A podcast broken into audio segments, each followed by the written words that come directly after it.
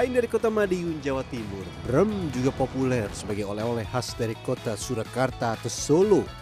Brem dari Madiun biasanya berbentuk persegi dengan warna yang agak kekuningan. Kalau brem dari Surakarta bentuknya bulat dengan warna putih. Salah satu sentra pembuatan brem Surakarta yang telah eksis sejak tahun 1970-an berada di kampung Bayan Kerajaan, Kecamatan Banjarsari, Kota Surakarta. Selamat pagi. Pagi. Pak E, taruh mana Pak E? Di sana, di dalam. Dalam? Di gudang. Siap, ya. siap. Ya. Ini Pak. Begini cara membuatnya. Pertama-tama, cuci beras ketan dengan air bersih. Saya dapat info tips awal ketan itu nggak semuanya ketan yang baru diambil dari pasar tapi dicampur juga dengan ketan yang sudah agak lama ya Pak ya ketan yang sudah 4 sampai 5 bulan lah Kenapa kalau biasanya kalau ketan yang masih baru banget terus dibikin brem-bremnya tuh jadi agak incir. Nah, tapi kalau ketan yang ketan terlalu lama, terlalu atos, keras. Jadi dicampur satu banding satu biar pas. Setelah beras ketan dicuci, rendam selama 15 menit. Proses perendaman berfungsi untuk menambah kadar air di dalam ketan, sehingga ketika ditanak, ketan tidak akan keras atau terlampau kering. Sambil menunggu, kita persiapkan dulu kayu bakar untuk memasak. Hati-hati ya.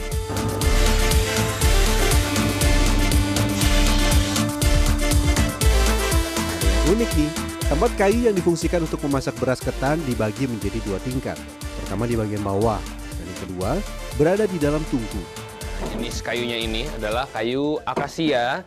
Ini kayu yang termasuk ke dalam kayu keras. Dan kenapa dipisah? Ada yang di bawah, ada yang di dalam juga, di dalam tungku ini. Ini nanti ketika sudah selesai proses pembakaran, jadi arang, bisa dijual. Kalau yang lagi di Yogyakarta, bisa jadi arang kopi jos. Karena steril. Tidak kena basah, tidak kena kotor juga. Tempat ini harga arang kualitas biasa dibanderol 2 sampai 3 ribu rupiah per kilogram. Sementara arang dari kayu akasia ini dibanderol 5 sampai 6 ribu per kilogramnya. Wah, dua kali lipat ya. Pengukusan pertama bertujuan mempermudah menghilangkan kulit ari maupun lendir yang ada pada beras ketan. Setelah bersih, lanjut ke proses pengukusan yang kedua selama kurang lebih satu jam. Harus matang sempurna ya, sebab bila beras ketan kurang matang, maka proses fermentasi menjadi tape ketan tidak bisa dilakukan. Tentunya ini akan gagal produksi dan merugi. Nah ini ciri-ciri kalau si ketannya ini sudah matang. Ini di set, udah nggak nempel ke tangan kita lagi. Aduh panas. Tadi aku panasan. Beras ketan yang sudah matang bisa diangkat. Diangkat dulu ya sampai mencapai suhu ruangan. Agar sel-sel ragi tidak mati dan proses fermentasi sempurna. Kalau dipaksakan, rasa brem akan jadi kecut dan masam.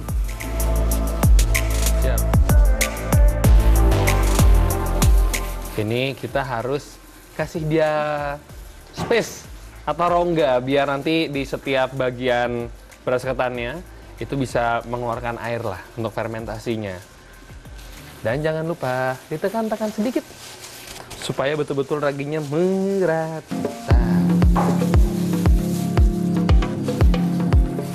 Tutup wadah ketan rapat-rapat.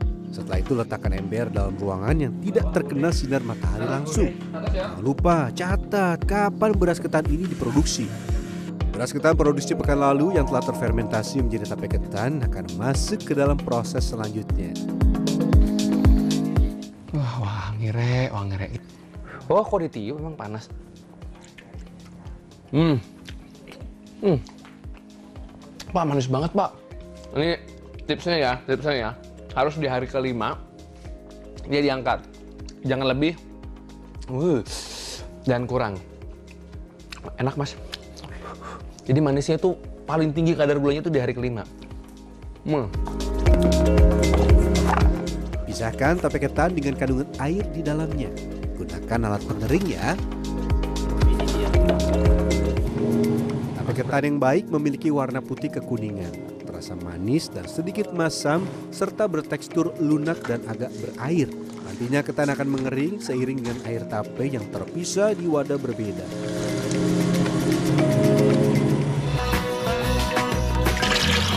Lanjut masak air tape.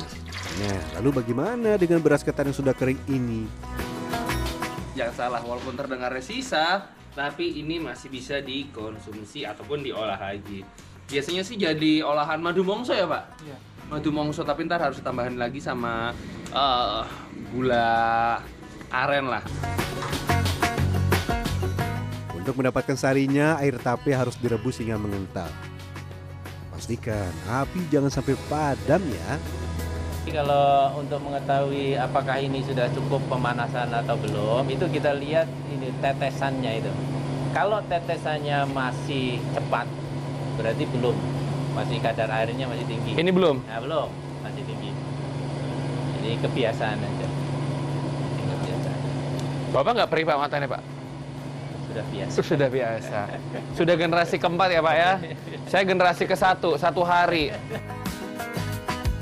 Biasanya 5 liter air tape membutuhkan waktu satu setengah jam sampai 2 jam untuk mencapai kekenyalan yang diinginkan. Ini ada pegangan. Dah. Sip. Panas. Siap. Tan- Air tape yang mengental kemudian diaduk menggunakan mesin dengan putaran rendah selama 30 menit atau hingga air tape berubah menjadi pasta cair. Kemudian adonan setengah jadi ini akan dipindahkan ke mesin dengan putaran tinggi agar menjadi lebih padat dan siap untuk dicetak. Proses membulatkan brem tidak terlalu sulit. Pasta padat tinggal ditata pada alat cetakan dengan diameter 3 sampai 4 cm. Selanjutnya, brem yang masih berbentuk pasta akan dimatangkan dengan oven di suhu 35 sampai 40 derajat Celcius selama 6 jam. Semakin rendah kadar air pada brem, maka akan semakin awet, walau tidak dimasukkan ke dalam lemari pendingin. Menjelang sore, brem yang tadi kami panggang sejak pagi sudah kering sempurna.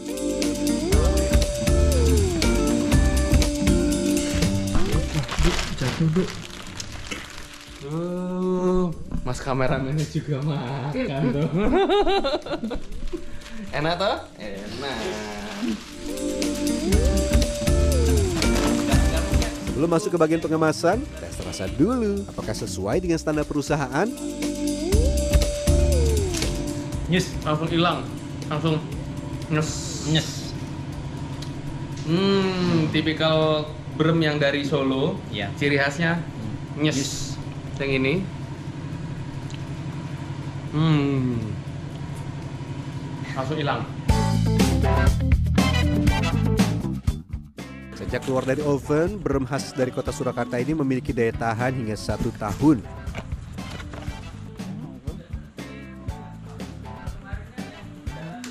Harga jual brem bervariasi mulai dari 20 sampai 25 ribu per kemasan tergantung ukuran. Namun omsetnya tergolong fantastis, mencapai 40 juta rupiah per bulan.